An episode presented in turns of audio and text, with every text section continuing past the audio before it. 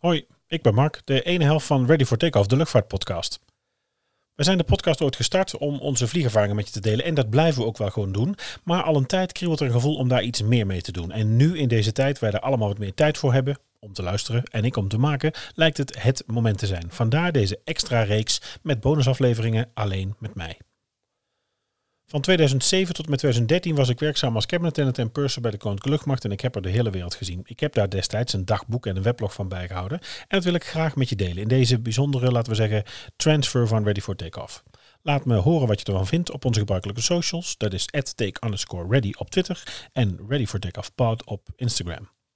Vandaag neem ik je mee naar deel 2 van Washington DC. Donderdag 15 januari 2009. Na gisteravond de auto bij het sleebedrijf te hebben gehaald, zijn we teruggegaan naar het hotel en hebben daar wat gegeten bij een bekende keten met een gele M. Daarna naar bed en onrustig geslapen. Ik was al om drie uur wakker, dat is 9 uur Nederlandse tijd, en vervolgens ieder uur gezien en gedommeld tot een uur of acht. Ik heb afgesproken met de collega om samen te ontbijten en daarna de stad in te gaan om af te vinken wat we gisteren niet hebben kunnen afmaken. Vandaag denken we wel twee keer na en gaan we dus met, niet met de auto op pad, maar pakken we de metro. Op zoek dus naar het metrostation. We krijgen het 123 niet gevonden en vragen aan een voorbijganger, althans mijn collega, blond, vraagt naar the nearest subway. De man wijst achter een gebouw en zegt dat hij niet weet of het al wel open is. We snappen niks van, maar gaan verder op zoek. Aangekomen achter het gebouw zie ik vrijwel meteen dat er een subway zit en dat die inderdaad niet open is. Het is ook nog wel wat vroeg hè, voor een broodjeszaak. Het heet hier gewoon de metro. Nou ja. We wisselen geld bij een taxi, gooien de meter vol en lezen de bordjes. Nu wel even goed. We kopen een kaartje en in nog in 20 minuten staan we midden in de stad, vlakbij het Witte Huis. Ik moet zeggen, het was heel bijzonder om daar zelf eens te staan. We maken foto's en na een minuutje of vijf worden we door een man in een pak met een oortje weggestuurd.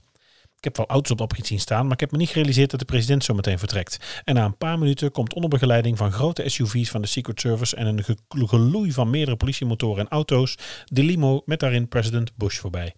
We kunnen niet echt wat zien en een foto lukt ook niet recht, maar goed, we hebben het meegemaakt. We kunnen niet heel dichtbij komen en we gaan door naar het metrostation.